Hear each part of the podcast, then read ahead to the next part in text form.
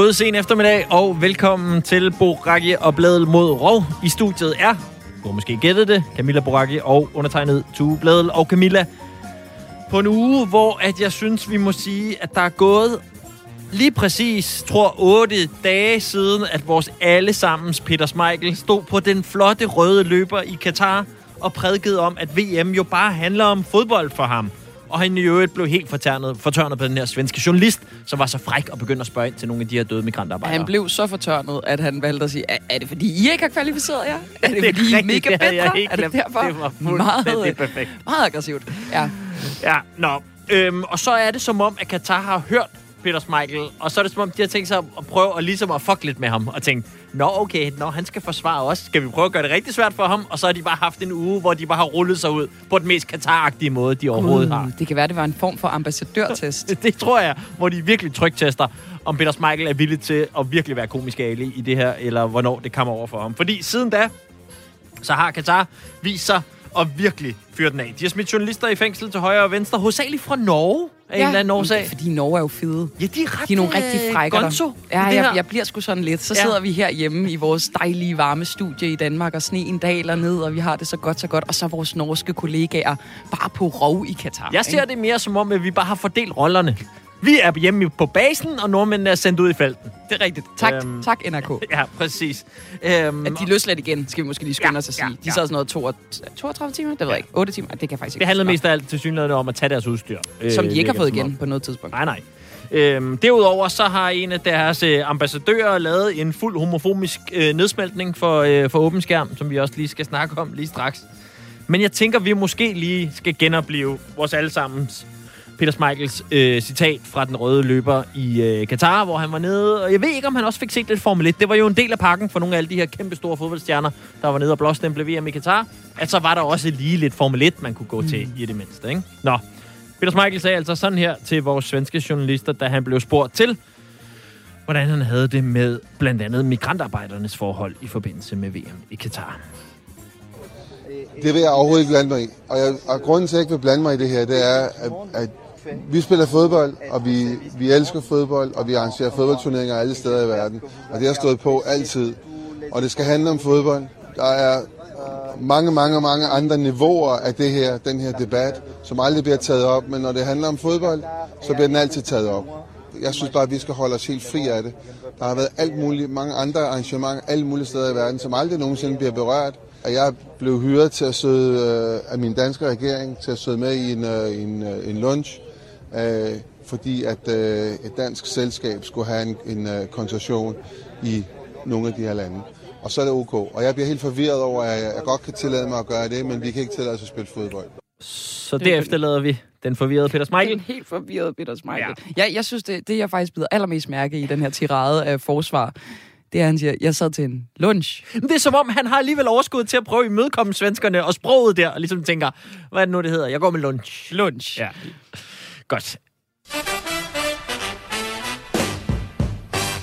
Og så skal vi altså, som lovet, forbi den øh, tidligere egyptiske stjernespiller Mohamed Abutrika, øh, som nu altså er VM-ambassadør for Katar. Sammen med Schmeichel og Ja, Beckham. og Schmeichel, det vilde ved Schmeichel er, han er det ikke engang officielt. Er han ikke det? Nej, han er ligesom øh, en del af FIFAs, nogle af dem, de ligesom inviterer til ting og sådan noget. Øh, men han er faktisk ikke engang, som jeg forstår det, helt officielt på payroll.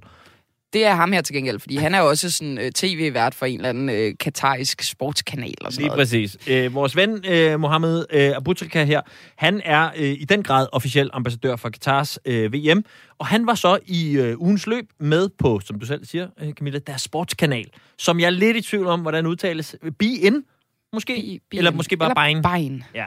Øh, hvor han øh, skulle kommentere, eller det ved jeg ikke engang, om han skulle. Han valgte i hvert fald at kommentere på hele den her Rainbow Laces-kampagne, som man kører med i øh, Premier League, som jo er øh, for at vise sympati over for øh, LGBT plus øh, segmentet. Øhm, og vi kan bare lige høre et lille lydklip. Det er på arabisk, så man øh, for de lytter, der ikke øh, er så flydende i, øh, i det sprog, de fanger måske ikke så meget. Men bare lige sådan, så man øh, fornemmer, hvordan det lød, da han altså i det, på den her store øh, sportskanal i Katar ytrede sig. Øh, så lød det sådan her. وتطلع على صفاره الحكم سيبك بقى انت مش ضامن اللي بيحصل في المباريات وبيحصل في اللعيبه وبتاع فده اقتراح ممكن ي- يقبل يناقش يرفض انما دورنا ان احنا نتصدى Ja, og øh, noget af det, han øh, får øh, tvunget ud af sin mund her, det er jo blandt andet øh, med en overskrift om, at homoseksualitet er en farlig ideologi. Øh, og så får han sagt til citat, det er ikke kun imod islams natur, det er også imod den menneskelige natur. Det er vores opgave at kæmpe imod homoseksualitet. Og så følger han den lige op med, de siger til os, at homoseksualitet er menneskerettigheder. Nej, det er ikke menneskerettigheder. Det går tværtimod imod menneskeheden øh, lyder det altså øh, fra denne her øh, VM-ambassadør. Okay, jeg, jeg er lidt på, på røven over det her, fordi jeg synes, det plejer at være sådan, tu, at dem, der ikke bryder sig om for eksempel LGBT+, de dækker sig jo så lidt ind under det der med sådan, nej, og politik, mm-hmm. og derfor må I ikke vise flaget, fordi det skal vi ikke have ind i sporten. Ham her, han er, han er meget transparent.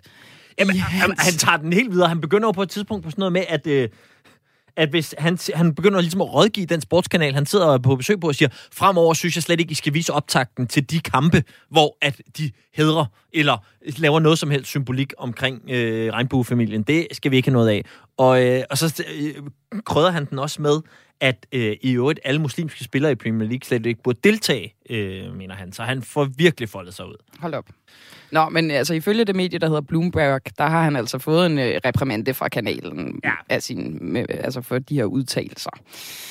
Æh, ja, Ja, yeah, det er sådan den gode gamle Dansk Folkeparti-strategi, hvor man øh, gerne vil kunne fagne nogen, der vil noget lidt vildere, og så vil man også gerne kunne fagne dem, der synes, det er i overkanten. Så har man nogle gange nogen lige ude at sige noget af det der, og så siger man bagefter, nej, nej, sådan var det ikke, agtigt. Eller sådan, han har fået en reprimande. Men så har man lidt fået sagt begge dele, tror jeg, øh, er øh, kunsten her. det skal jo også lige siges, at altså i landet for den her tv-kanal, hvor han er altså er ambassadør for VM, der er homoseksualitet jo ulovligt, Ja. ja. altså i Katar, og det kan jo altså straffes både med bøder og med fængsel. Og jeg tror måske ikke, jeg går for langt, til, hvis jeg siger, at det også kan straffes med dødsstraf. Så ja, Og hvis man så øh, sidder og tænker, som jeg gjorde, da jeg hørte den første gang, åh, ja, lad, lad os håbe, det bare er nogle, nogle tv-tosser et eller andet sted nede i Katar, der ikke har kunnet styre sig, øh, og som lidt er sådan en eller anden lille tv-kanal, ingen kender til. Men øh, bag tv-kanalen, der er så øh, Bain Media Group, ejet af Qatar Sports Investment, i spidsen for både det og hele investeringsselskabet. Der står så Paris Saint-Germain-præsident øh, Nasser Al-Khalifi. Så altså, trådene er helt op til, øh, til toppen. Øhm, og jo bare, altså hvis vi skal blive alvorlige, endnu et eksempel i en uge, der nok kommer til at være sådan en uge, vi kommer til at se mange flere af frem mod VM i Katar, når rigtigt, som det er nu, er nu fokus ved at være der. Nu, nu, nu bliver de kigget efter i kortene, og så tyder det altså på, at så vil, vil der dukke en del af sådan nogle sager herop. Ja, og, og det er jo også problematisk, eller jeg synes, det er problematisk i forhold til det her med, at DBU jo har sagt, at det er sikkert for både homoseksuelle og journalister og fans og kvinder og alle at tage ned og se VM i Katar. Og det er jo sådan nogle her udtalelser, hvor man måske kan tænke, ja, er, er- er det måske det? Jeg, altså, jeg det ved ikke, hvis jeg, det, hvis jeg er DBU, om jeg ville lægge hovedet på blokken for ligesom at garantere, at, at man kan gå og holde i hånd med sin øh, kæreste af samme køn nede i Katar. Og i øvrigt, hvis jeg også var DBU, så tror jeg, jeg ville være lidt usikker på den der, hele den der kritiske dialog, de har lagt op til. Altså ham her, Mr. Mohammed. Øh, altså hvis man forsøger den kritiske dialog med ham. Jeg ved ikke, jeg vil ikke have sådan kæmpe store forventninger til, at man landede et rigtig godt sted, og han bare ville lade sig overbevise Han, til han, at ligner ikke, sig. han det. ligner ikke en, der vil, vil lægge sig på nogen måde. Ned. Han kommer ikke til at have et regnbue-anførerbind på til øh, VM i Katar. Det tvivler jeg også øh, stærkt på. Nå, øh, lidt mere om Katar som altid i det her program, men det er først lidt senere. Vi har masser af andet spændende, vi skal nå her i øh, Boraki og øh, Bladet mod Rov på Radio 4. For nu skal vi til en stor politisk sag ude på havet. Mhm. Vi skal til sejlsportens verden, og vi er jo en sejlsportsnation. Tue. Og ja, det er jo også fordi, uanset hvor du er i landet, så har du ikke meget mere end en times kørsel ud til, at du kan lave noget sejlsport. Og så blæser det jo. Og det, det, det har jeg jeg faktisk bevist i dag også. om, om, om det altid er lige godt. Nogle gange kan det blæse for meget i sejlsport. Jeg kan også huske til OL, at det simpelthen blæste for lidt Ja. nede i Tokyo. Det tror jeg mere i showet. Nå. Men, øh, men altså, den her storpolitiske sag, øh, den drejer sig om, at, øh, at der frem til sidste år var en dansker, der var præsident for det internationale sejlforbund, som øh, hedder World Sailing. Det ved jeg ikke, om der, der er så mange, der ved, men der havde vi altså en, en dansk præsident. Det var altid skønt, øh, ligesom, ligesom vi har i badmintonforbundet. Ikke? Absolut. Øhm, det er vi jo stolte af. Og han kunne godt være blevet genvalgt til det her øh, kandidatur sidste år. Han Mhm. mm-hmm. Kim Andersen i øvrigt. Men det blev han ikke, fordi at der under valgkampen kom øh, flere sager frem om det, som de kaldte for uetisk adfærd. Tre sager var det i alt. Øh, den første, det var uetisk adfærd i forbindelse med valget af Finjollen, som er et eller andet med, at det ville Kim Andersen gerne indføre, så vidt jeg har forstået, til OL, og det var der nogle, eller jeg også ville han have den væk, men der var nogle konservative kræfter, som blev, blev sure over det. Så var der også noget med nogle afstemningsprocesser og flytningen af World Sailings kontor øh, til London. Den anden sag blev rejst af to bestyrelsesmedlemmer, hvor den ene så sidenhen stillede op øh, som modkandidat ved mhm. præsidentvalget, og handlede om, at deres underskrifter uberettiget var blevet sat på en opfordring til et sejlsportsmedie om at korrigere nogle oplysninger, som det medie havde. Okay. Øh, ja, så der var noget med nogle underskrifter. Og så øh, den tredje var så påstanden om, at Kim Andersen skulle have sikret en favorabel rådgivningskontrakt til firmaet TSA Consulting, uden om de øh, almindelige procedurer i World Sailing. Men nu er Kim blevet renset for alle anklager. Hmm. Problemet er bare, at de her sager... I mellemtiden er han ikke blevet genvalgt. Præcis, for de her sager kom jo ligesom frem øh, i, i, i den her øh, proces, hvor der skulle vælges ny præsident. Og der blev han altså faret af banen, den gode Kim, til fordel for kinesiske Li Kuan-hai. Og så tænker jeg, hvordan kunne det her ske? Hvordan, hvordan kan det lade sig gøre, at, at tre sager, som ikke har noget på sig, for nu er han jo blevet renset, ligesom kan komme frem og så stå i vejen for at kunne blive genvalgt? Og jeg tænker, at vi passende kan spørge hovedpersonen selv. Kim Andersen, velkommen til. Jo, tak. Jeg kan starte med at spørge dig, hvordan kunne det ske, det her? Øhm, ja, hvordan kunne det ske? Altså, man kan sige, noget af det her, det starter jo sådan set allerede dagen før jeg bliver valgt i 16. Øh, fordi der går det ligesom op for mig, at der er nogle kræfter i Voigt Sailing, som jeg ikke har kendt til tidligere, men som arbejder øh, ligesom lidt, kan man sige, bag facaderne og har ret stor indflydelse. Øh, og det sker ganske enkelt ved, at øh, jeg bliver kontaktet og bliver bedt om at underskrive et dokument, hvor jeg skal, øh, kan man sige, øh, gennemføre 12 punkter, hvis jeg bliver valgt som præsident. Og øh, i forhold til at, at gøre det, øh, så vil de til gengæld hjælpe mig med, at jeg får nogle stemmer fra en modkandidat, som man forventer at tabe i første runde. Okay, jeg altså, bliver nødt til at spørge, Kim, hvem er de her mennesker? Forkert. Jamen det er jo nogen, der sidder i council, og nogle af, kan man sige, den gamle garde i Sailing, og dem har jeg jo ikke rigtig, altså jeg, jeg har kendt dem før, men jeg har ikke rigtig vidst, hvordan det her foregik, fordi det var første gang for mig, at jeg, øh, jeg stillede op til noget valg. Jeg har arbejdet meget kommenterende, men ikke haft noget med det politiske at gøre tidligere. Hvilke lande er de fra? Men man kan bare sige, det er, Jamen det er, det er typisk dem, det er den samme gruppe, som har stillet de her etiske, øh, lavet de her etiske anklager efterfølgende. Øh, så, så det er, det, det, det, det, det, er, det er de samme mennesker, kan man sige. Så, men, men, men for at gøre det her ganske, ganske, ganske kort, så kan man sige, at ja, det at skulle committe sig til noget, man ikke kan committe for en bestyrelse, der slet ikke er valgt endnu, og så samtidig mod, at man får stemmer, som overhovedet ikke er afgivet, eller man kan ikke stå inde for. Og så alt det her, det sker uden, at der er dem, der deltager i afstemningen i virkeligheden, ved, at sådan noget foregår. Men er det, det i 2016, ikke, der, Kim, at det her sker? Det er helt i 2016, ja. Og siger du ja, altså siger du ja til at gennemføre de 12 punkter? Nej, nej, der siger der bryder jeg øh, med dem, og jeg, og jeg går i rette med dem, og jeg prøver på at gøre mit til, at disse mennesker ikke kan være en del af vores komitéer. Så det er sådan set der, øh, kan man sige, kimen til, til hele konflikten, den starter. Øhm, og du bliver så, og så, kan man sige, du bliver så, så valgt i 2016 uden deres stemmer, ikke? Ja, Ja, det, ja, jeg bliver valgt i 2016. Hvorvidt det var med deres stemme eller ej, det ved jeg sådan set ikke, men man kan sige, det var altså ikke i forhold til den plan, de havde. Øhm, så, og så kan man sige det andet, som vi nævnte indledningsvis, så, så for al det, den her uro fra, fra de samme, kan man sige, øh, konservative kræfter, den får så yderligere næring, da vi har afstemning om, hvilke discipliner øh, og bådklasser, der skal være med i Paris i OL 2024, hvor finjolklassen ryger ud igen, det er ikke noget, jeg bestemmer, det er jo noget, et council beslutter, og ganske mange komitéer beslutter. Øh, men det er i og med, at det er mig, der har ansvaret, så er det ligesom mig, der bliver gjort ansvarlig for, at nu har man mistet en klasse, som har været til OL, jeg tror 16 eller 17 gange, øh, øh, for at skabe fornyelse. Og, øh, og det er sådan set de to ting her, der, der, der, der er hele baggrunden for, at den her øh, kan man sige, øh, modstand, den opstår. Og Kim, må jeg spørge, de her sager, der bliver øh, rejst mod dig, Øhm, har du øh, nogen grund til at tro, at de bliver rejst mod dig for at forpure dine chancer for at blive genvalgt? Eller er det bare nogle helt reelle sager, som nogen rejser øh, tilfældigvis på det tidspunkt, og så viser det sig så, øh, når sagerne går sin gang, at, der, at de ikke har noget på sig?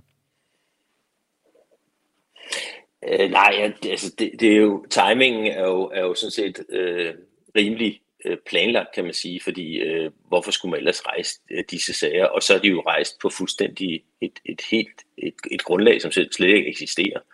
Altså den, den første sag blev jo også, øh, det var en sag, hvor man beskyldte mig og den siddende direktør for at have besluttet en hel masse ting, og for at tro, øh, uden, uden at der var grundlag for det, alle de beslutninger, man henviste til og man klagede over, det var beslutninger, som enten var truffet af en totalt enig bestyrelse, eller havde været op i World Sailings Council, så det, det, de overholdt alle vores retningslinjer for det, man nu gør, øh, når man er en demokratisk og, øh, og velfungerende organisation. Øhm, og så kan man sige, at de, de seneste to sager, de blev så rejst i forlængelse af en anden, fordi man opdagede, at den ene sag måske ikke var stærk nok til at, øh, at øh, kan man sige, øh, bringe mig ufør i forhold til, til at blive genvalgt. Men, men, men, Kim, øh, men så, gennemfør, så havde man altså to sager lige før, før afstemningen skulle, øh, skulle i gang. Ikke? Og du lyder jo meget fattet, når du fortæller om det, men altså, hvis det er tre helt bogus sager, der bliver rejst for at forpure dit valg, og det også lykkes, altså, hvordan har du det med det? Nå, men jeg har det da dårligt med det, men som jeg siger, jeg har aldrig været sådan et, et politisk, øh, jeg har aldrig gået så meget politik med det, man gør. Øh, og det er det, og det er måske også det, der har været problemet her, fordi jeg har gjort meget, og vi har ændret meget, vi har fornyet meget, og det, det, har, det har nok været for meget for mange af de, de ældre mennesker, kan man sige, og de meget konservative kræfter, som er i typisk i sporten.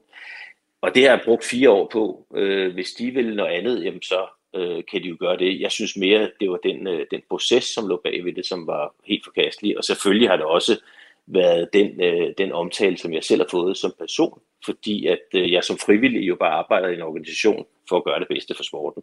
Men øh, ja, jeg er helt fattet, for min hverdag behøver jo ikke at ændre sig på grund af det her. Altså.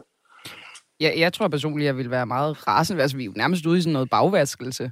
Øhm, det, det synes jeg lyder meget som sådan en meget ufin proces, hvor at din, som du selv siger, din karakter jo også er blevet udsat for en, for en del.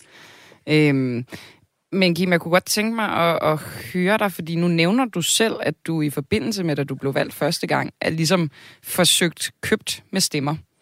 Øh, hvor, hvor, hvor sundt er World Sailing-organisationen? For det lyder som om, at det er offer for øh, det, vi kender fra mange andre forbund, nemlig korruption.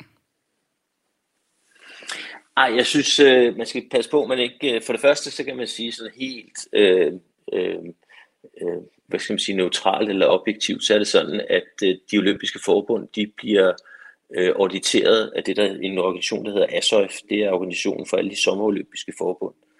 Og på den liste, så kan man sige, så ligger, øh, der er cirka nogen 30 over 30 forbund, men der ligger World Sailing i top 6. Så kan man sige, at det er jo ikke så meget, hvis det er altså man korrupte. Men, men det, er, det er der altså ikke tale om. Der er tale for, om man faktisk har en god governance Øh, øh, og, og man har heller ikke nogen fortilfælde for det, der, der er sket her overhovedet. Men det, altså, nu, nu bliver nødt til at afbryde dig, Kim. Altså, når der er nogen, der prøver at, at købe dig med stemmer, det kan vel ikke være et sundt forbund? Det bliver jeg bare nødt til at, lige at sige.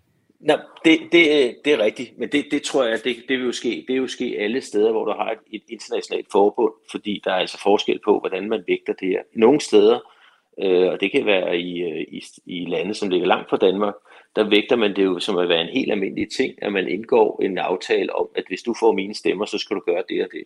Og jeg synes heller ikke, det er galt, hvis det er offentligt tilgængeligt for alle dem, der skal stemme.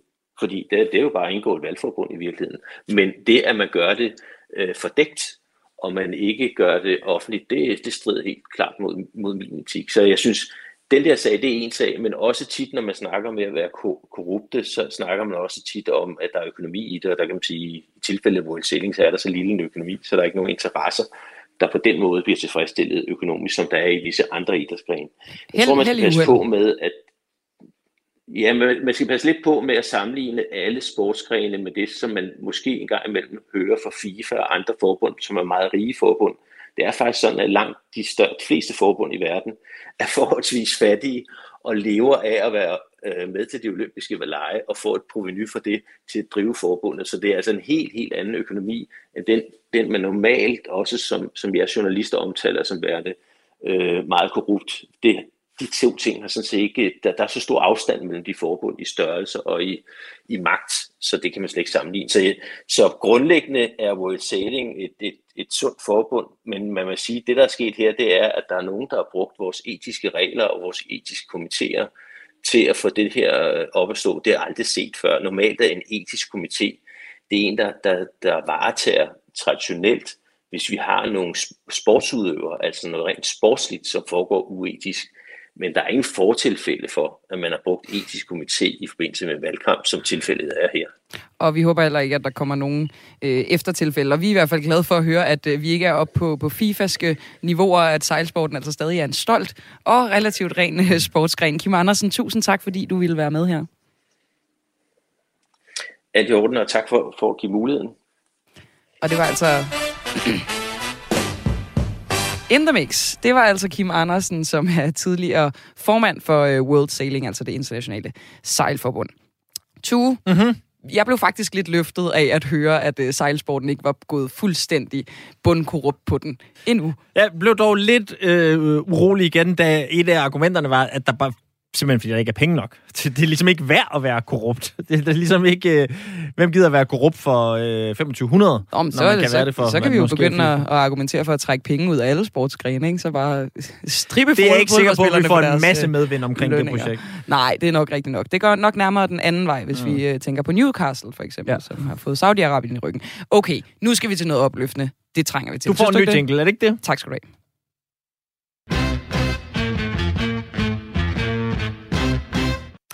Fordi nu skal vi til ugens held. Jeg kan Ej. se dine uh, skuldre sænke sig, Tue. Jamen, har... det er også med tanken om, at jeg ved jo, at vi er gået over til en tradition, hvor du live synger jinglen til ugens held. Åh oh, gud, Og jamen, du blev du jo snydt for sidste Det kræver uge. jo en heldesang. Jeg, jeg og... kan ikke finde en på en stående fod. Mariah Carey havde du lovet mig sidste uge, og den fik jeg ikke, og nu er vi gået ind i julemåneden, så findes der et mere perfekt tidspunkt at træde ind i Mariah Careys musikunivers. Men så bliver du altså, så bliver du til at give mig kammertonen, for jeg kan ikke huske den på stående fod. Den er jo meget langsom med Hero, ikke? Med... Hero. Du... I am a hero. Na, na, na, na, na, Okay, det var ikke, hvad jeg havde drømt om, men jeg tager den. Okay, skal vi ikke komme, komme tilbage på det sporet? Det fornemmer jeg. Fuldstændig vanvittigt, det her. Nu skal du høre. Ja. Danmark er det første land i verden til at gøre brug af nye dopingtests. Der er kommet nogle nye dopingtests, mm. og Danmark er ligesom forgangsland på det. Det har øh, Antidoping Danmark sørget for. Det er jo meget godt, eftersom vi vel også var et af forgangslandene, når det kom til øh, doping, og ikke Ej, antidoping. Den, der har Rusland løbet okay. med, med, med toppen af sejrskamlen på den, tænker jeg. Nå, men øh, i hvert fald, blodprik hedder øh, den her nye metode, mm-hmm. og den går øh, sådan set ud på, at øh, man bare laver et lille bitte prik i skulderen. Jeg forestiller mig meget, det er ligesom, når man får lavet den der hos lægen i tommeltotten, den der ah, ja. dygt, og så kommer der en lille øh, smule blod, og så kan man hurtigt få lavet testen. Normalt så er det jo sådan, at man tager en, en rigtig blodprøve eller en urinprøve, og ja. det er en lille bitte smule mere besværligt, især fordi, at mange atleter jo vil være dehydreret, når de kommer, kommer i mål, eller, eller er færdige med at, at lave kampe, ja. eller spille kampe. Øhm, så det kan være lidt svært at få, få de her urinprøver ud, ikke? Jo. Øhm, så, så på den måde er det en rigtig god øh, test, men også fordi, at den er øh, så meget nemmere og, og, og mindre omstændig, så, så der er simpelthen flere ressourcer til at lave flere tests. Og det er jo en god ting, hvis man gerne vil komme doping i hud. Absolut. Altså, skal man jo faktisk bare teste og teste og teste løs. Ikke? Så på den måde gode nyheder for, for ligesom antidoping-kulturen.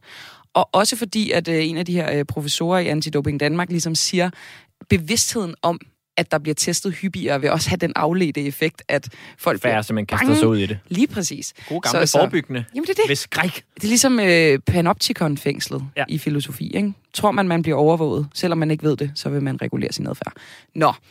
Øhm, det blev brugt øh, for første gang officielt mm-hmm. i, i hele verden i, ved, ved DM i boksning her i Danmark i øh, weekenden. Og det tænker jeg jo gør Antidoping Danmark til nogle kæmpe helte. Ja da. Worldwide, simpelthen. Især hvis det ligesom breder sig ud. Øh, den her metode kan ikke opfange altså, alle, det kan opfange sådan noget 90 procent af, af de stoffer, som, øh, som er ulovlige. Så der skal stadig bruges tisseprøver og urinprøver. Ja. Nej, tisseprøver og blodprøver en gang imellem. Ja. Men, men i hvert fald kan, det, kan man få lov at teste mere. Så, så det er vi jo glade for. Absolut. Men der er jo god der, nyhed. der er jo også et men. Nå. Du. Og det negative, det er jo selvfølgelig, at vi aldrig nogensinde igen kommer til at høre det her. Jeg har taget doping. Jeg har taget EPO. Ja, det var Bjarne, der indrømmede, at han havde taget doping. Det er et legendarisk klip. Men Han på den anden en side, det var tokrummende, da man hørte det, kan jeg huske. Nu kan man så næsten trække på smilbåndet af det, fordi det er så tragikomisk. Men lige da, da jeg kan huske... Øh, øh, Ah, Der var dårlig stemning Ja. over Er det hele. Også fordi han havde fået kørt i altså, karavane til Rådhuspladsen, og hele Danmark hæppede på ham. Det var lidt noget, noget halløj. Ja. Men, men man kunne måske også savne at komme til at høre det her. Det drejer sig om EPO. Det drejer sig om væksthormon, testosteron, DHEA, øh, insulin, IGF-1, kortison og blodtransfusioner. jeg glemmer, hvor lang den ramse er. Altså hver gang. Den er simpelthen... Ja, det var vores allesammens kylling fra øh, Tølløse, Michael Rasmussen. Du mener som- vores allesammens apotek? Det var han jo nærmest. Han havde jo anpart i en blodcentrifuge i Østrig, ikke? Så, øh, så tæt på apoteker var han i hvert fald. Okay, øh, en, der faktisk kan øh, toppe ham i præparater, øh, det er ham her. EPO, amfetaminas, speed, steroides, asis, heroïnes, cocaïnes, skunk, crack, pot, opium, LSD, fantasy og morfines. Uh, ja. ja, Ja. det klip har vi jo heldigvis til evig tid også. Så. Nå, øh, stort tillykke til Antidoping Danmark, og øh, tak for at øh, gå forrest i kampen mod øh, doping. Det sætter vi pris på her på programmet, og de får titlen som ugens helte. Can I get a hallelujah? Kan du i hvert fald.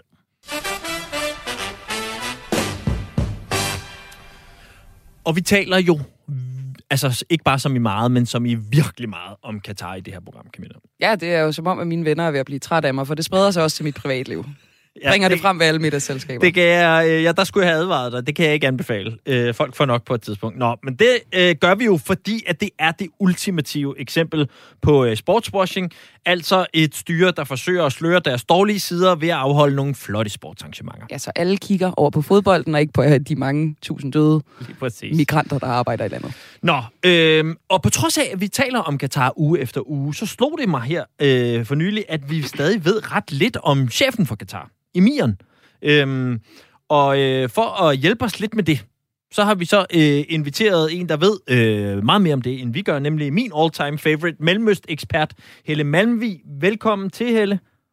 Tak skal du have, Tue. Øh, jo også kendt for, i måske mere bred forstand, som seniorforsker ved øh, DIS, hvor du arbejder med netop international politik i, øh, i Mellemøsten.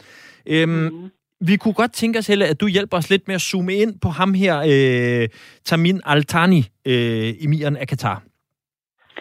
Ja, altså så langt som vi nu kan nå, ikke? fordi øh, også for mig som mellemøstforsker, og selvom jeg også har rejst i Katar og endda været inviteret af emiren til Doha, så, så er han øh, sådan omgivet lidt af, af mystik, altså med vilje, kan man sige, fordi han er jo sådan lidt en, en kongefigur, eller sådan en enevældig hersker, så han skal jo ikke være sådan helt øh, almindelig, eller en, vi skal vide alt muligt om.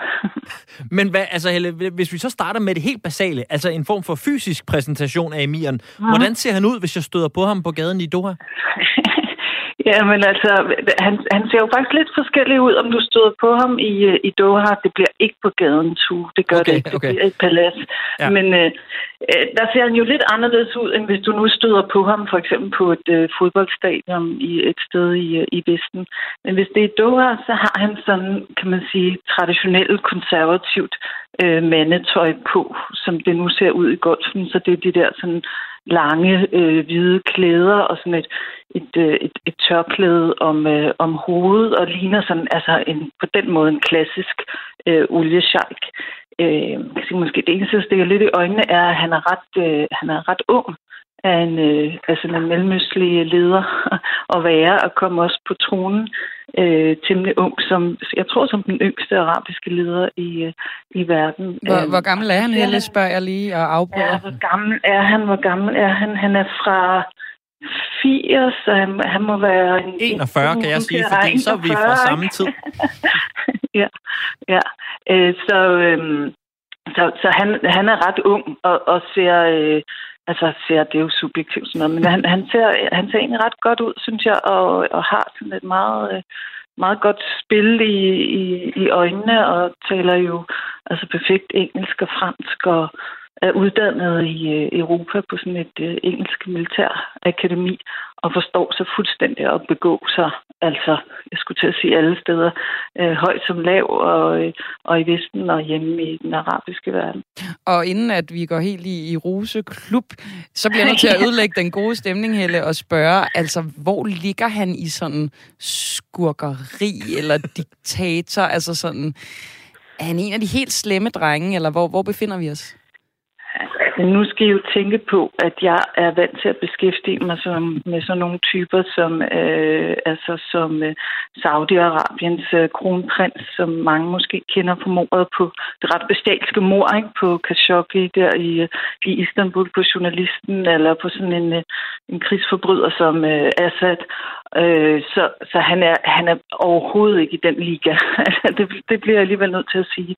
Han er selvfølgelig, altså han er en, en enevældig øh, emir fra, fra den her kongefamilie, som bestemmer suverænt, og som, øh, kan man sige, ikke tåler nogen kritik, øh, heller ikke internt. Det, man har ikke nogen debat om, om, øh, om emiren eller hans familie sådan øh, internt. Og så er der selvfølgelig hele, kan man sige, det han har, øh, det han og, og hele styret har på samvittigheden i forhold til, til alle de her immigrantarbejdere, hvordan de i overvis, jo altså også lang tid før verden fik øh, opmærksomhed på øh, fodbold og fodboldstadium, så hvordan de blev bygget, havde man jo sådan et system, der byggede på øh, migrantarbejdere. Så, øh, øh, så, så jeg, jeg er fuldstændig enig, vi skal ikke gå i, øh, i roseklub, men altså han er heller ikke øh, krigsforbryderliga med, øh, med Assad eller øh, med Saudi-Arabiens øh, kronprins. Og hvor meget, øh, Helle, er hele den her øh, sportscharme-offensiv, eller hvis vi skal have de lidt negative briller på, sportswashing-model, øh, er født i hans baghave? Jamen, den er, øh, den er rigtig meget født af, af både ham og så også hans øh, far. Der kan man sige, der var de lidt øh, pionerer i i øh, Golfen og Mellemøsten, de startede egentlig et lidt andet sted, altså i forhold til det der med at prøve at skabe sig et, øh, et godt image eller et godt brand i hele verden og tiltrække sig sådan positiv øh, opmærksomhed. Øh, startede de ikke med fodbold. Altså, de startede sådan med øh, den her tv-station, mange der kender Al Jazeera, som blev altså super populær i hele den arabiske verden. Og så startede de med universiteter, så de fik de kæmpe store universiteter fra USA og også nogle fra Europa til at lægge sig i, øh, i Doha med sådan nogle øh, afdelinger der. Og det var også der, hvor sådan en som mig blev inviteret til, til Katar, fordi de prøvede at lukke sådan internationale forskere og sådan noget dertil. Øh, og så gik de over til sådan noget mere populær, populær kultur, som, øh, som mode eller store museer og så fodbold. Øh, for at nå ud til, kan man i virkeligheden sige, måske et, et bredere publikum end sådan en international global elite, men ligesom have, have fat i sådan verdens, verdens publikum øh, og tale til dem. Øh, og det har nogle af de andre golfstater jo også luret, at, øh, at det er en god vej til at, at brande sig selv, så både internationalt, men i virkeligheden også i forhold til sin egen befolkning og den arabiske verden, hvor, øh, hvor fodbold er sindssygt populært. Altså, øh, jeg vil sige, endnu mere populært, end det er øh, her i vores del af, af verden. Så det er også et branding i forhold til de andre arabiske lande, og i forhold til egen befolkning. Se, hvad vi kan øh, på den store fodboldverdensscene. Men Helle, nu, nu siger du, at det er en, en god idé med det her fodboldbranding. Jeg kan ikke lade være med at tænke på... Øhm, undskyld, jeg havde lige en tus i halsen. Øhm, om det ikke også har givet lidt bagslag på en eller anden måde. Fordi de drømte jo nok om, at, øh, at ingen ville kigge på alt det dårlige, og alle ville kigge på, på VM i fodbold. Men der har jo været ekstremt mm. meget kritik i forbindelse med netop afholdelsen af VM i Katar tror du, at de står lidt tilbage og tænker, okay, det var måske faktisk ikke en så god idé? Øh, jeg, jeg tænker, at, øh, at det er fuldstændig rigtigt, at det har ikke bare været en succesfuld strategi eller en nem strategi. Det er et, øh, et tvækket svær. Altså sådan nogle forskertyper som mig, vi kalder det øh, soft power, altså at øh, Katar har prøvet at skabe sig det, der hedder blød magt, som er alt det, der ikke handler om, om sådan hård militær magt. Øhm, og det er lidt et tvækket svært, fordi at, øh, at det har jo også fået verdens opmærksomhed til at kaste lys på øh, Katar og på forholdene for, altså især for alle øh, migrantarbejderne, og fået en omtale, altså nu som i jeres program øh, for eksempel, ikke? Øh, uge efter uge, og sådan er det jo hele verden og en negativ omtale, som, som måske i høj grad i virkeligheden overskygger den positive omtale, som, øh, som, som begivenheden ellers skulle øh, have givet Katar. Øh, så øh, og jeg tænker også, det er lidt, hvilken del af verden vi vender blikket mod. Så man kan sige, øh, i, i høj grad i den vestlige del af, af verden har det fået så meget negativ øh, opmærksomhed. Øh, men, øh, men andre steder, som jeg talte om før, for eksempel i den arabiske verden og også i store dele af den asiatiske verden, der, der tror jeg alligevel, at, øh, at der er flere point på positiv siden end, øh, end negativ siden, når man så må sige. Men så det er ikke en ufarlig eller en, en nem strategi at satse på det der med, med blød magt og, og nation branding, når man så kaster sig ind i de der populære felter, som, som for eksempel fodbold, ikke? og ikke bare tænker forskere eller museer eller sådan noget. Og øh, Helle, øh, nu øh, fik vi afbrudt dig, før du nogensinde nåede til. Du nåede at fortælle, hvordan han ser ud, når jeg støder på ham. Ikke på gaden i Doha, men paladset i Doha. Men når jeg så støder på ham på stadion i et eller andet sted i, på, i London, eller hvor han nu øh, færdes, hvordan ser han så ud? Jamen, så er han jo i, øh, i vestligt tøj, så er han i, øh, altså, hvis han skal mødes med fine folk, er han selvfølgelig i jakkesæt, og øh, hvis han sidder på et øh, fodboldstadion, så er det sådan lidt mere øh, afslappet, uden, øh, uden slips. Øh, så der ser han, øh, der, der, der passer han, kan man sige, til de øh, normer, vi har i vores del af, af verden. Jamen, øhm, så ved jeg i hvert fald øh, nogenlunde, hvad jeg skal være på vagt omkring, hvis jeg støder på ham.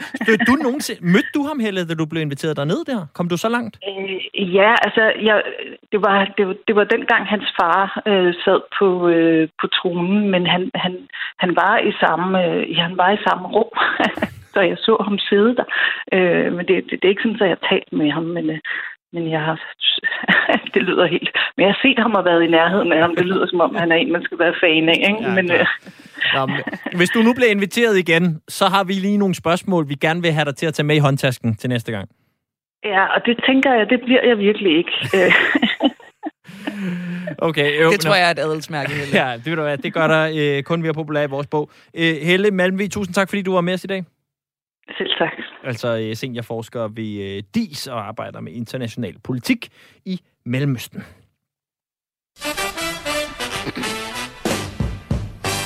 Nu skal vi til en anden... Ja, det er jo så ikke en emir. Det er så heller ikke en, der leder et Men det er også en form land, for chef men det er en, det er en chef. Type. En præsident-type, eller det var han i hvert fald. Ja. En gang. Fordi vi taler jo meget ofte om det her med, at sportens skurke, de kommer aldrig rigtigt til at stå sådan rigtig til ansvar for deres, øh, hvad skal jeg sige, fordægte og ulækre gerninger. Nej, det er som om den sådan maksimale straf er bare, at okay, nu kan I ikke flyve så meget i privatfly, som I gjorde engang. Lige præcis. Og derfor så læste vi jo også med glæde, at det nu lader til, at der faktisk er konsekvenser for en af de her sportsskurke. Det drejer sig om den tidligere formand for den brasilianske olympiske komité, Carlos Arthur Nussmann. Ej, jeg, den brasiliansk-portugisiske accent her.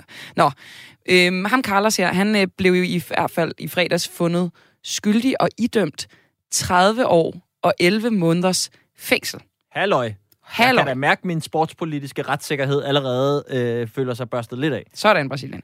Øhm, ham her, er Carlos Arthur Nussmann, han øh, var ham, der stod i spidsen for øh, OL i Rio. Og i forbindelse med det er han så blevet dømt skyldig for korruption, hvidvask, skatteunddragelse og for at øh, købe stemmer, da Rio får øh, tildelt OL i 2016, hvor at de altså slår øh, steder som Chicago, Tokyo og Madrid. Det er jo en, en god øh, samlet puljetue af dejlige korruptionskinder kan øh, skylde i det. Man kan jo så, så kunne man sige, åh, fedt nok, han har til gengæld ikke slået nogen ihjel. Det tror jeg så bare heller ikke er helt rigtigt, for det var vist noget med, at han lige også skulle have plads til nogle stadion, så der var ah. nogen, der boede der, hvor de stadions var. Og sådan. Det var vist heller ikke helt godt. Øhm, nå, men ham her, Carlos, han bliver altså øh, arresteret for første gang tilbage i 2017, og der er det så for det her stemmekøberi, som han havde gang i, øh, i forbindelse med, at de, de fik OL til mm. Rio. Øh, og det har han angiveligt øh, har han shoppet stemmer for 2 millioner dollars. Så det er jo dejligt at bruge penge på det. Men, men før vi ligesom sådan er helt oppe og løfte vores hænder og juble, juble, Over retssikkerheden. så, øh, så har han altså stadig til gode at øh, fremføre sin appel, før dommen den bliver stadfæstet. Jeg synes lige, vi godt lige kan snakke om, Tue, 30 år. Det lyder lidt af meget, synes jeg, på en eller anden måde. Ja, det er virkelig meget. Altså, man kan sige, men som du selv siger, hvis man nærmest har altså, øh, menneskeliv på samvittigheden, så Men det, det er jo ikke også... det, han er dømt for, Nej, så man er kan sige rigtigt. sådan, det, er, det er jo, vi er ude i noget økonomisk kriminalitet og noget korruption. Jeg synes bare, det lyder som en... Det er ikke fordi, det er ikke fordi jeg tager ham i forsvar, det er jo heller ikke det. Men, men jeg synes er bare, nok, det er som om, han nærmest får et par år for Sepp Blatter, og et par år, han ligesom har fået alle de andres år. Og det er netop lige præcis det, der er sket. Jeg har, jeg har af omveje snakket lidt med nogle øh, brasilianske journalister og advokater og sådan noget. Og øh, den ene af grundene til, at straffen kan være så høj, det er faktisk fordi, at øh, præsidenten Bolsonaro mm. har hævet strafferammen til, at en maksimumstraf nu ikke er på 30 år, som det var før, men på 40 år. Så på den måde er 30 år ikke så meget Ah. set i, i forhold til, hvad en maksstraf kan være. Og så er det altså, at der bare er blevet shoppet rundt i forskellige øh, ting her, og så er det ligesom blevet lagt sammen. Og så er det så blevet til de, de, de 30 år. Det jeg så også får at vide af mine øh, kære øh, brasilianske venner, det er, at øh, de tror simpelthen ikke på, at han bliver dømt. Mm. De tror ikke på, at han kommer ind og sidder. Fordi han faktisk er mere magtfuld end, end domstolene og staten. Fordi han har sindssygt mange penge, han har sindssygt mange forbindelser. Det må han jo have, siden han har kunne gennemføre det her. Så jeg tror, altså, vi startede glade, og nu er jeg lidt mere forbeholden. Åh oh, nej! Ja, Ja, altså jeg, jeg tænker bare, at vi, vi venter og ser ture. Vi, vi, altså, det er selvfølgelig mange år for en gammel 79-årig mand at skulle sidde i 30 år, men alligevel, det vil være et godt eksempel, forhåbentlig skabe noget præcedens for, øh, for de andre sportsskurke, vi har med at gøre, ikke? Og jeg vil så sige, øh, også bare øh, kado til dig øh, for sætningen, som jeg klart kommer til at kopiere nu fremover. Jeg har af bagvej talt lidt med brasilianske journalister og advokater. Altså, hallo! Altså, hallo. Det tror jeg da vist nok, du kommer til at høre mig bruge i baren fredag aften. Gracias. Uanset hvad vi snakker om. Ved du, hvad der er i den drink? Nej, men jeg har talt lidt med nogle brasilianske advokater og journalister af bagveje, og jeg tror, det er vodka og kalua. Det lyder helt klart sejere end det er. Men øh, tak skal du have, Tue. Jamen, det var da bare så let. Det øh, skulle være en anden gang. Og så skal vi til øh, en af de historier, som i hvert fald øh, i lydklip var klart en af mine favoritlydklip, øh, der kom ud i den forgangne uge. Fordi det er historien om den tyske storklub i fodbold, Bayern München, som har haft deres årlige generalforsamling. Den gik så langt fra som planlagt. Fordi både ledelse og fans var samlet til den her generalforsamling for at diskutere klubbens ved og vel. Hvordan går det? En lille- klassisk øh, generalforsamling. som vi andre gør. Her, Vores når, året er ved når året er ved at være om, man kigger tilbage. Har det været et godt år? Har det været et dårligt år? Har det været et klassisk mellemår? Hvad har jeg opnået? Hvad har jeg ikke opnået? Og alt den der. Ved du hvad, Tue? Det plejer at være rigtig kedeligt, den slags. Generalforsamling, altså, det bliver sådan helt, øh, det bliver helt gråt inden i mig. Ja, det behøves det ikke at blive til øh, Bayerns generalforsamlinger, fordi at der var jo også øh, nogle fanrepræsentanter, øh, og de havde ligesom nogle andre ting på dagsordenen, end bestyrelsen havde, der sad oppe, bænket ganske flot deroppe. Øhm, de ville nemlig rigtig gerne tale om klubbens arrangementer i Katar. Fordi at det er sådan, at Bayern øh, igennem længere tid har været ret involveret med Katar, og har blandt andet haft øh, Qatar Airways som hovedsponsor, og har det stadigvæk øh, igennem længere tid. Åh, så Gud. det pryder ligesom øh, trøjerne. Åh, oh, det er jo både, altså det er jo også et, øh, et tvækket svær, ikke? Altså, vi har både Katar, der er noget med nogle menneskerettigheder, og flyvere, noget med noget klima. Ikke så godt. Det er det. Øhm, nå, vi kan lige høre et lille lydklip øh, fra generalforsamlingen. Øh, der bliver selvfølgelig talt tysk, eftersom vi er i Tyskland, men jeg tror godt, man kan fornemme den sådan lidt øh, mudrede stemning, måske i hvert fald. Jeg finder lige klippet til os alle sammen. Det skulle gerne være her. Und ich weiß schon, dass ich heute nicht äh, der, der Liebling des Abends werde. Äh, es ist aber auch nicht meine Aufgabe, everybody's darling hier zu sein, sondern meine Aufgabe ist, hier ordnungsgemäße, ja, vielen Dank. Sie können natürlich buhen, aber äh, wissen Sie, forstod jeg. das ist keine argumentative Auseinandersetzung. Wir wehren uns aus. Ja, genau. Ich würde mich gerne auch argumentativ Ja, damit ist ja auseinandersetzen. Wir, wir machen das ja. Aber das ist jetzt nicht der Ort. Okay, der Ort. nee, dann machen wir Gehen Sie die bitte Satzung, auf ja? Ihre Satzungsanträge. Ja. Ihr können das, Bue, ja. Uh. Ja, ja. Jeg er ikke her for at være nogen starling og sådan noget. Øh, men det fede er så, som øh, man kan se på de her videoer derude, som det udvikler sig, så er det slet ikke... Altså, du ved, så, så bliver folk bare mere irriteret over, at han prøver ligesom at sige, at det er jo slet ikke på dagsordenen, og det skal vi slet ikke tale om. Så når den næste fanrepræsentant kommer op, så siger, starter han bare forfra, hvor den forrige slap, og siger, vi skal tale noget mere om Katar-venner. Øh, og de der bestyrelsesmedlemmer og AS-præsidenter, de bliver bare længere og længere i ansigter. Man kan bare se, at de hader deres liv. De er meget sådan, øh, venner, venner, vi ser på det. Ikke lige nu. Ja, men jeg synes virkelig, det sådan stråler ud af dem, at de tænker, hvorfor skal vi snakke om det her med jer? Altså, det er jo slet ikke det, vi... Nå. Øhm, og, og, og det ender sådan også med, at der øh, efter, på et eller andet tidspunkt, så får øh, de nok, øh, og øh, præsidenten, han siger ligesom, vi må stoppe her. Altså, ja, vi gider Vi ikke. lukker Ja, præcis. Så tager vi lidt ligesom i skolegården, så tager vi bolden og går, og så slukker vores mikrofoner. Hvorefter, at fodboldfans jo trods alt er jo en genial folkefærd, for de er jo vant til, at hvis de skal have noget ud, så stiller de sig op og synger. Det er jo ligesom det, de er vant til fra stadion. Så de samler sig hurtigt i sådan en lille klynge dernede øh, på de der flotte stole, hvor de har siddet og holdt generalforsamling.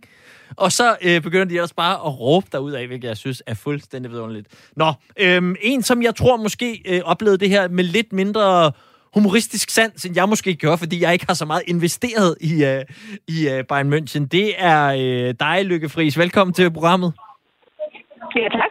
Du er jo øh, altså øh, både øh, kæmpe Bayern München-fan, og derudover også en masse andre ting, blandt andet direktør i Tænketanken øh, Europa. Men, men øh, Lykke, i det her tilfælde, jeg ved, du også øh, har selvfølgelig øh, set nogle af de her klip. Hva, hvad tænkte du, da du så det?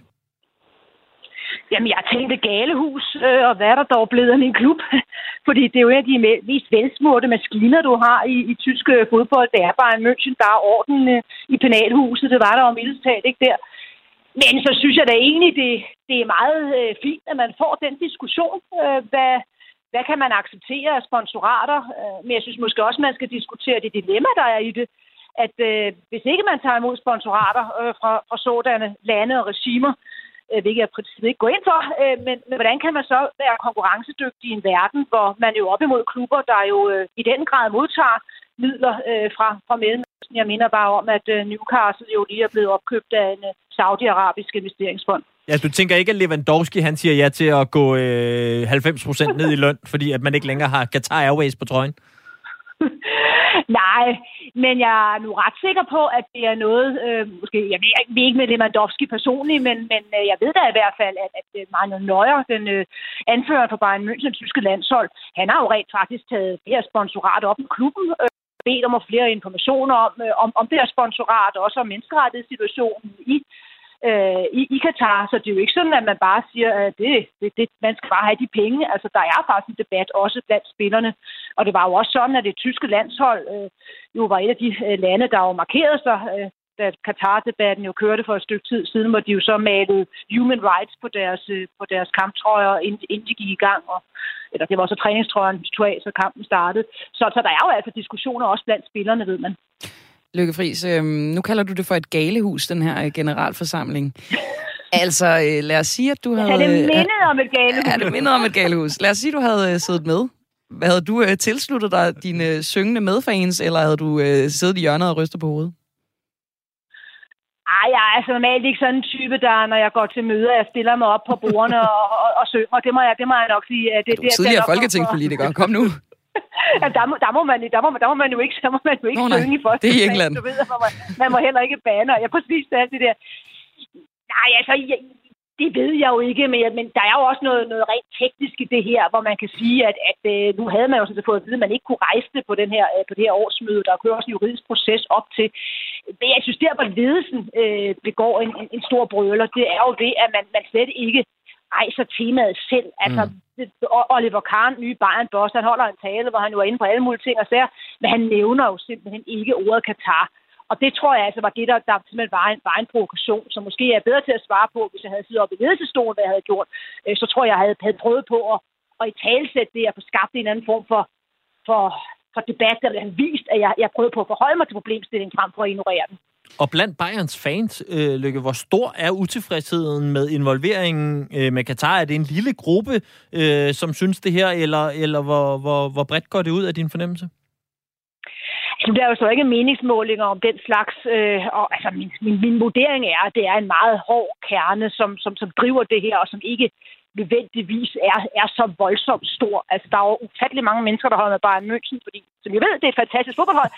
Men, men, men det gør jo så også, at der er jo folk, der holder med Bayern München, fordi det, det gør man i den familie. Øh, altså, jeg holder med Bayern München, min bror holder med Bayern München, min gudsøn holder med Bayern München, jeg holder med Bayern München osv.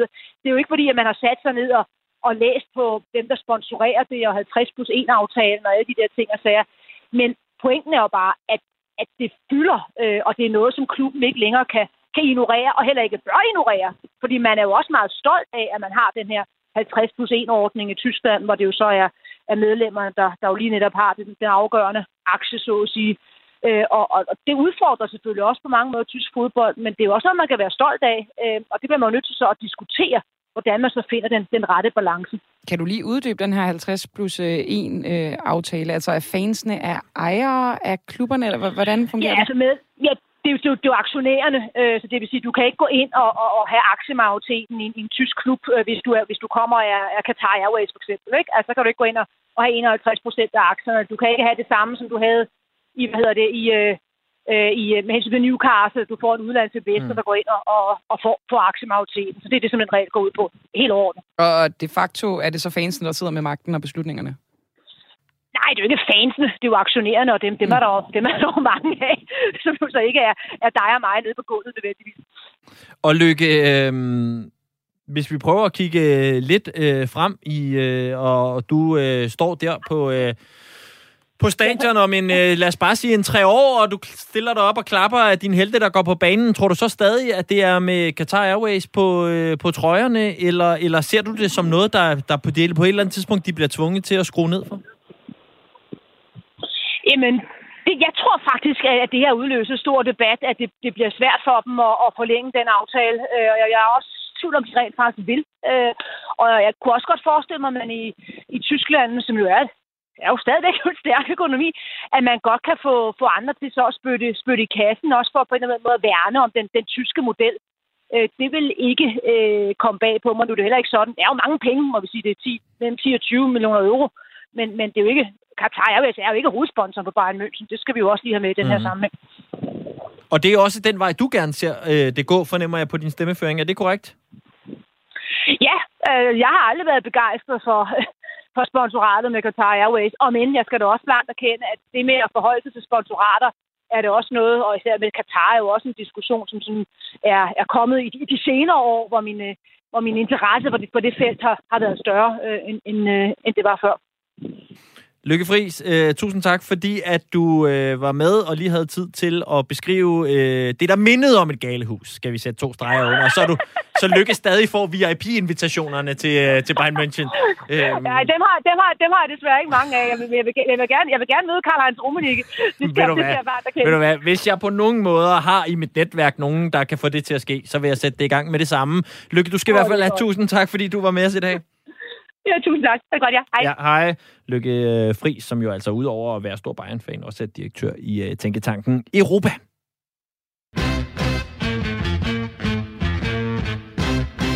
Og, altså, jeg vil, jeg vil kalde Lykke for en form for svejserkniv, ikke? fordi hun er også kæmpe sådan, Tysklands kender, og så er hun fodboldkender og kender meget til EU, så har hun siddet i Folketinget og været minister. Altså, hun kan også noget, er det ikke også noget med, er det ikke også sin, har hun ikke også sin hund? Har jeg ikke også hørt hende være på sådan lidt nærmest, nu siger jeg ikke, hun er ekspert, men nå, nu bærer jeg mig ud på det, det, det, ved jeg ikke noget. Jeg ved kun, at Puk Elgård har hunden. Men øh, det kan da sagtens, sagtens være, at, øh, at Lykke Friis også har det. Nå, det var, det var spændende at tale ja, lidt absolut. om uh, Bayern München og, øh, og, og også det, der den her 50 plus 1 model, som vi også nogle gange er sådan ligesom øh, snublet ind i her i programmet tidligere.